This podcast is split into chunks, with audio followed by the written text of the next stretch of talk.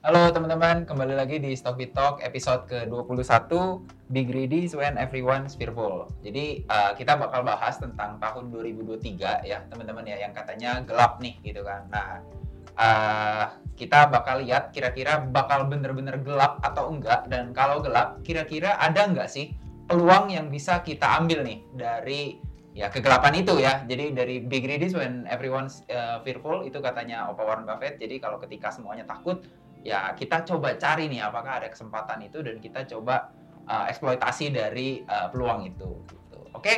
uh, bersama saya kali ini udah ada dua tamu istimewa lagi gitu ya. Yang pertama kembali lagi dari Pak Geri dari Trimega Asset uh, Management dan juga ada Pak Thomas Williams atau ID-nya Towils nih Pak. Pak silakan Pak memperkenalkan diri lagi ke teman-teman. Halo teman-teman, Stockbitor, perkenalkan nama saya Thomas atau biasa kalau di Stockbit saya lebih dikenal dengan ID Towils ya. Teman-teman nanti mungkin bisa baca tulisan-tulisan saya di sana. Selain di sana juga saya aktif menulis juga untuk di blog saya investorsaham.id ataupun juga di akun Instagram saya dengan akun yang sama investorsaham.id dan juga sekarang juga aktif sebagai kontributor di aplikasi Mentor Mentor Baik juga. Sekian aja sih mungkin penjelasan singkat dari saya. Oke, wah ini uh, apa namanya salah satu jagoan dari stok kita nih ya. Pak, kalau boleh tahu nih Pak, sekarang tuh lagi sibuk apa sih Pak selain nulis ini Pak? Ya sama ya, kalau saya kan kerjaan masih uh, kerja profesional juga, jadi sebagai konsultan untuk di bidang IT. Dan ya sekarang ya banyak juga uh, yang nulis juga lah masih ya di mentor baik ataupun juga di Instagram ataupun juga di Stockbit itu aja sih. Oke, nah teman-teman uh, pastinya udah kenal dong ya nih ya kalau udah lama apalagi nih jadi uh, join di Stockbit pasti udah sering baca nih tulisan-tulisan dari Pak Thomas nih. Oke, mungkin uh, kita mulai aja nih ya Pak, uh, Pak Thomas sama Pak Gary buat ini ya uh, pembahasannya. Jadi kita mau bahas 2023 dulu nih yang katanya gelap gitu ya. Kalau Pak Gary sendiri ngeliatnya 2023 tuh sebenarnya gelap atau terang atau remang-remang atau gimana nih Pak? Oke, kita harus bagi dulu ya. Kita mau lihat di market yang mana nih. Kalau di market Indonesia atau di market luar negeri ya. Kalau di market luar negeri memang sudah terbuilt in ekspektasi bahwa akan terjadi resesi ke depan. Tapi kalau di market Indonesia, kita bisa lihat juga kalau saya punya data seperti misalnya trade balance kita ya, hmm. itu selalu membukukan uh, surplus selama setahun belakangan ini. Karena kita bisa tahu sendiri misalnya harga komoditas yang tinggi. Hmm. Nah ini yang membuat kita tuh tidak terlalu gelap lah. Memang mungkin ada yang bilang remang-remang atau ya nggak seperti uh, benar-benar terang sekali gitu ya.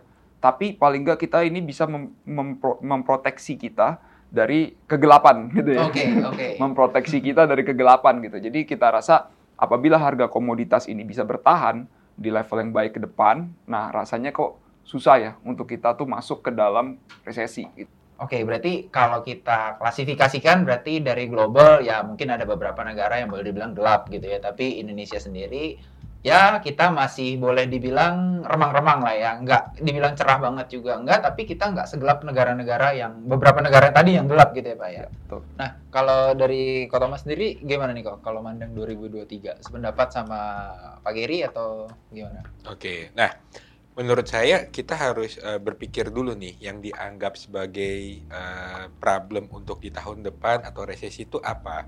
Apakah resesi itu di, dilihat dari sudut pandang penurunan untuk neraca perdagangan Indonesia atau tidak? Kalau misalkan dari sudut pandang itu, maka saya bilang yes, neraca perdagangan kita harusnya sih tahun depan tidak bisa sebaik di tahun ini atau akan melemah ya. Tetapi kalau misalkan dari sudut pandang investasi, apakah artinya nanti kinerja-kinerja emiten akan pada berguguran, harga sahamnya rontok, investasi kita turun dan lain-lain? Mungkin saya nggak terlalu sependapat dengan hal uh, i, apa fear resesi yang ada di market saat hmm. ini ya. Hmm, hmm. Kenapa? Nah, tadi Pak Gary juga sudah ada menjelaskan nih bahwa neraca perdagangan kita nih lagi begitu bagus. Bahkan sejak tahun sejak bulan Mei tahun 2000 20 neraca perdagangan kita selalu positif surplus. hingga saat ini, selalu surplus ya. Nah, kita juga lihat perbandingan angka inflasi antara Indonesia ini agak anomali, Riko. Di mana inflasi Indonesia saat ini masih 5,71 persen, sedangkan US sana inflasi udah 8,7.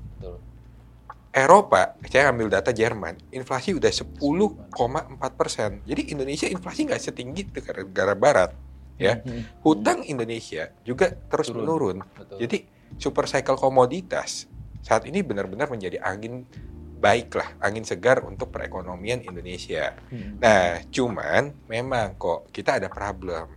Problemnya apa? Problemnya di bulan Juli misalkan di tahun ini kita ada peningkatan harga pangan yang begitu yang cukup tinggi, Yes. cukup signifikan. Betul. Dihantam lagi pada bulan September itu lonjakan untuk harga bahan bakar. Ya. Nah, sehingga itu memang menjadi problem temporer yang saat ini kita hadapin. Karena artinya apa? Kos untuk produksi jadinya meningkat. Betul. Kos untuk penjualan karena ongkos transportasi jadinya meningkat, ya. Tetapi eh, para manufacturer atau produsen itu hanya bisa meningkatkan harga jual ya terbatas. Kurang lebih kalau dari data yang saya dapatkan, kurang lebih harga penjualan itu cuma bisa meningkat sekitar 7%. Itu kenapa walaupun emiten-emiten kebanyakan bisa meningkatkan penjualan, tetapi arti akhirnya eh, bottom line agak sedikit merosot nih di kuartal 3 Ya, ini betul. karena angka COGS yang meningkatnya yang Yes. cukup tinggi. Ah, ah. Nah, Cuman sekarang kenapa sih harga kosnya meningkat tinggi? Karena kan harga komoditas, tinggi. Nah, sekarang saya rasa harga komoditas tidak bisa untuk eh, bisa untuk Setinggi lebih ini. tinggi lagi Ya. lagi itu ya. Harga komoditas harus turun. Hmm. Apalagi sekarang eh, Joe Biden juga udah bilang nih, pokoknya lu harus bisa turunin harga oil. Mereka udah sampai mengorbankan SPR, cadangan minyaknya US gitu ya. Hmm. Kalau misalkan lu nggak mau turunin, gue pajakin lu lebih tinggi untuk perusahaan oil. Jadi ya mau nggak mau, mereka akan istilahnya eh, harga untuk komoditas ini akan akan merosot lah. Dan kita sekarang lihat harga komoditas baik itu energi ataupun pangan sekarang itu sebenarnya sudah mengalami penurunan. Jadi perlambatan ekonomi di dunia barat ataupun di China ini akan berdampak kepada penurunan harga komoditas. Tetapi apakah harga komoditas akan hancur banget seperti tahun sebelum tahun 2021? Ya enggak juga. Kalau kemarin eh, data dari World Bank gitu ya, eh, April bulan April kalau nggak salah kurang lebih mereka prediksi kayak call itu mungkin jat, akan jatuh sekitar angka 250. Ya itu masih angka yang bagus untuk perusahaan komoditas, Betul, perusahaan betul. call. Ya. Tetapi ya penurunan tetap aja. Yes. Terus harga oil mungkin ini yang masih akan cukup kuat. Jadi kalaupun ada koreksi, ya paling koreksi cuma bisa bertahan sampai di 80 US dollar, which is juga masih angka yang bagus. Ya, Betul. sekarang kita lihat dari data untuk eh, tenaga kerja kok. Hmm. Tenaga kerja kita yang punya pekerjaan itu meningkat pesat dan jumlah pengangguran turunnya juga Iya. eh, turunnya juga jauh. Jadi saya juga agak bingung ya kalau orang pada takut resesi. Sedangkan di sisi lain penyaluran kredit bank meningkat kok. Betul. Ini Kalau lumayan tinggi ya. Iya, lumayan tinggi. ini. Jadi kalau penyaluran kredit bank meningkat lumayan tinggi, apanya yang hancur ekonomi kita? Yes. Investment dari luar masuknya begitu masif ke Indonesia. Kemarin itu sempat tertinggi kan malah ya. Sempat tertinggi, kita. betul. Jadi dari semua data ekonomi, saya tidak melihat ada sesuatu indikator yang mengat- yang menunjukkan bahwa ekonomi Indonesia akan gelap, akan suram di tahun depan. Menurut saya begitu bagus. Bahkan kok Mhm. data wisatawan mancanegara Oh. meningkatnya gila, Ya, betul betul. luar biasa. Iya benar banyak banget yang ke Indonesia sekarang ini. ya. Betul. Terus habis itu pemerintah dengan luar biasa mengeluarkan kebijakan, eh lu nggak apa-apa deh wisatawan mancanegara, lu tinggal di Indonesia bisa eh, apa 10 tahun. Itu kan enak banget. Lu bayar gas mahal, Mending tinggal di sini. ting- mending tinggal di sini, habisin duit dolar lu di sini. Ya. itu rupiah kan jadi kelihatan murah ya gara-gara dolar naik ya. Terus habis itu Bank Indonesia mengeluarkan kebijakan yang bagus lagi, yaitu memperpanjang DP 0% untuk perumahan sama otomotif. Yes. harga oto apa eh, produksi untuk otomotif pun meningkatnya pesat. Jadi saya tidak melihat ada data ekonomi yang suram sih Suram, untuk ya. tahun depan. Oke, nah ini tadi view-nya menarik banget nih dari Pak Geri, dari Pak Thomas itu ngelihat 2023 sebenarnya Indonesia oke gitu ya. Walaupun ya negara barat sana lagi pontang-panting gitu ya nurunin inflasi, potensi resesi apa segala macam, tapi Indonesia masih boleh dibilang ya nggak gelap lah ya walaupun mungkin mungkin nggak seterang-terang benderang gitu ya, cuman ya nggak gelap gitu kan. Nah, kalau kita ngomong dari tadi kan uh, Pak Geri sama Ko Thomas tadi udah ngomong kalau Indonesia bagus nih. Domestik tadi Pak Geri juga bilang domestik oke ya. Nah, Ya. kalau ngomongin domestik ada satu event yang boleh dibilang itu tahun depan event yang spesial. Ya, kita kan ada pesta demokrasi ya. Hmm. Tahun persiapan lah ya, bukan tahun pemilu tapi persiapan pemilu gitu nih. Ya. Kalau dari Pak Geri dulu nih Pak, Ya. gimana Pak?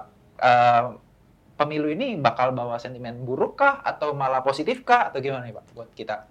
Oke, kalau kita lihat dari kinerja keuangan dan ekonomi biasanya malah justru eh, ini sesuatu yang menarik ya. Karena biasanya perputaran uangnya itu lebih cepat lah Hmm. pada saat adanya pemilu. Jadi kalau kita keluarin data juga ya, itu social spending ya. Hmm. Karena tahun ini kan masih ada social spending dari misalnya COVID gitu ya. Hmm. Nah tahun depan tuh udah nggak ada. Kita fokus ke social spending yang non COVID lah. Oke. Nah itu udah ada peningkatan yang signifikan gitu ya. Dan juga ada satu hal yang menarik nih.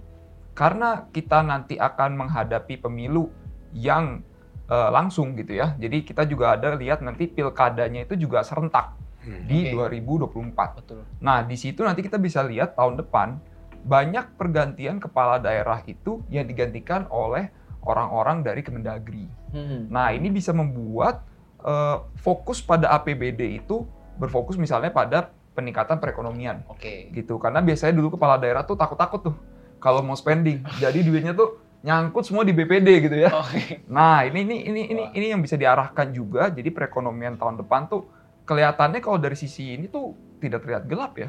Ini tuh malah terang karena Oke. karena jadi sisi konsumsinya tuh mungkin bisa dijalankan ke masyarakat secara luas. Oke, oke. Pak, nih sedikit nih Pak, kalau boleh ada bocoran nih. Tadi kan ada sebut social spending, mungkin udah nggak ke COVID lagi nih, tapi bisa ke sektor lainnya gitu. Kira-kira ada nggak sih Pak satu sektor apa nih yang kira-kira bakal diuntungin dari peralihan social spending ini gitu?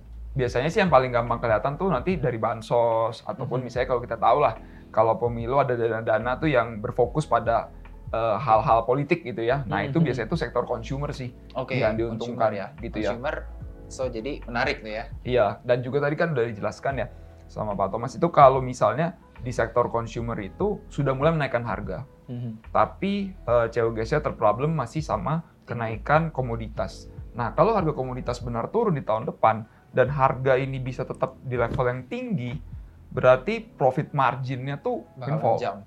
Iya, karena Yes. di COGS-nya bisa turun, tetap di top line-nya tuh di harga yang tinggi. Yes. Kita lihat ada kenaikan price sudah, apalagi kalau ditambah dengan ada kenaikan demand. Oke. Nah, ini dua hal ini tuh mungkin menjadi hal yang kita bisa perhatikan lah di tahun Karena depan. biasanya kalau emiten consumer udah naik harga nggak turun Jarang lagi ya. Sudah naik lupa turun. Iya. Padahal harga komoditasnya ntar udah turun. Udah gitu. turun. Tapi mereka udah naik di sini ya nggak mungkin turun. Kalau turun malah jadi deflasi pak. Betul. Oke oke, wah ini eh, menarik nih kalau dari Kak Thomas gimana? Nah, tadi saya tertarik tuh sama Pak Geri ngomong consumer spending ya. Hmm, hmm, hmm. Bahkan walaupun dengan eh, semakin membaiknya data perekonomian kita saat ini kok dengan yang tadi beberapa hal yang sudah saya ceritakan, kita tuh masih belum sebaik di tahun 2019 Ah, setuju setuju. ya. Jadi 2021 membaik, 2022 membaik ya. Karena 2020-nya terlalu tidak baik. ya. Tetapi kita masih belum kembali ke 2019. Hmm. Jadi bayangkan ketika sekarang COVID kan kita udah kayak baik-baik aja lah ya. Itu eh, ketika ekonomi kita sudah benar-benar pulih, apa- maka ya consumer spending kita akan bisa kembali ke 2019 bahkan lebih. Betul. Jadi ya eh, ya kita sih benar-benar akan membaik lah. Apalagi kalau pemilu ya kita ada bagi-bagi bantuan, ada bagi-bagi sembako segala macam. Istilahnya spendingnya akan bertambah. Jadi ya menurut saya ya pemilu memang akan membuat untuk perekonomian kita menjadi lebih bergairah lagi lah. Oke, so 2023 mungkin kita akan kembali ke atas dari uh, pre-pandemic level gitu ya. Kita akan Betul. breakout-nya lah ya dari situ ya. Atau enggak setidaknya menyamai lah Menyamai minimal. lah ya. Hmm. Oke, oke. Wah ini uh, kayaknya malah bukannya gelap ya. Kayaknya tahun depan kita malah bisa pesta. Lebih Nah. terang. Ada data yang menarik kok. Ini saya coba rangkum dari chart Stockbit nih ya. Eh, Pemilu kan pernah ada beberapa periode sebelumnya. Pemilu 2004 ya, saya mencatat di tahun 2002, 2004 ISG itu naik 44,8 persen. Oh, tinggi. 2009 ISG naik 86 persen. Oke. 2014 ISG naik 21,4 persen. 2019 aja IHSG cuma naik 1,38 persen. Hmm. Jadi ya memang ada korelasi lah positif antara pemilu dengan IHSG. IHSG. Ditambah ingat pemilu tuh butuh duit, ya. Jadi ya tidak heran lah kalau nanti di tahun depan banyak perusahaan-perusahaan yang mungkin berafiliasi dengan konglomerasi atau dengan tokoh-tokoh politik gitu ya punya aksi-aksi korporasi yang mungkin juga menarik. Oke, oke.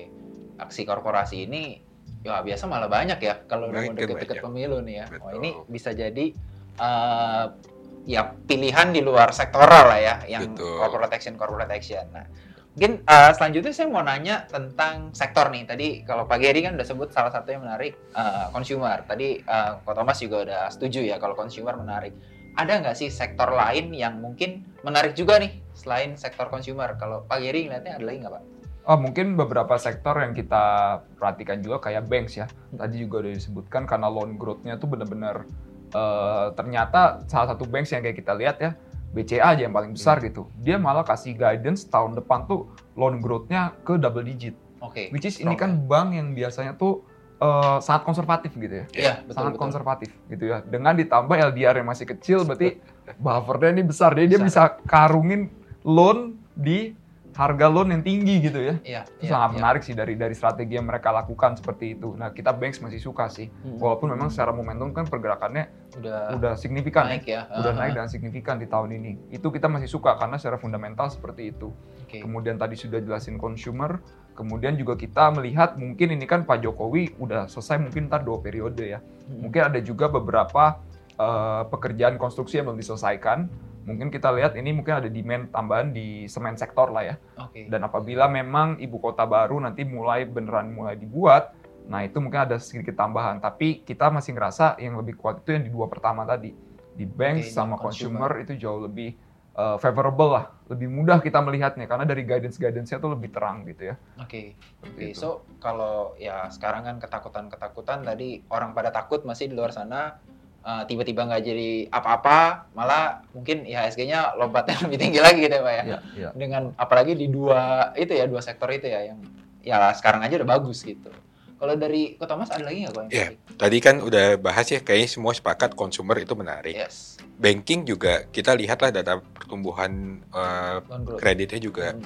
begitu bagus gitu ya dan suku bunga kita juga masih terbilang sebenarnya rendah Iya, loh. rendah dibilang Rendah. dibanding negara lain Betul. ya. Betul. Bahkan ada data yang mengagetkan kok. Biasanya selisih antara suku bunga Bank Indonesia dengan suku bunga dari The Fed, Hmm. kalau dari data eh, 10 tahun yang lalu, rata-rata tuh ada selisih kurang lebih tiga, eh, average-nya tiga setengah persen. Oke. Sekarang kita cuma selisih satu persen, 1%. rendah banget. Ya. Nah, cuma kan orang takut ya resesi.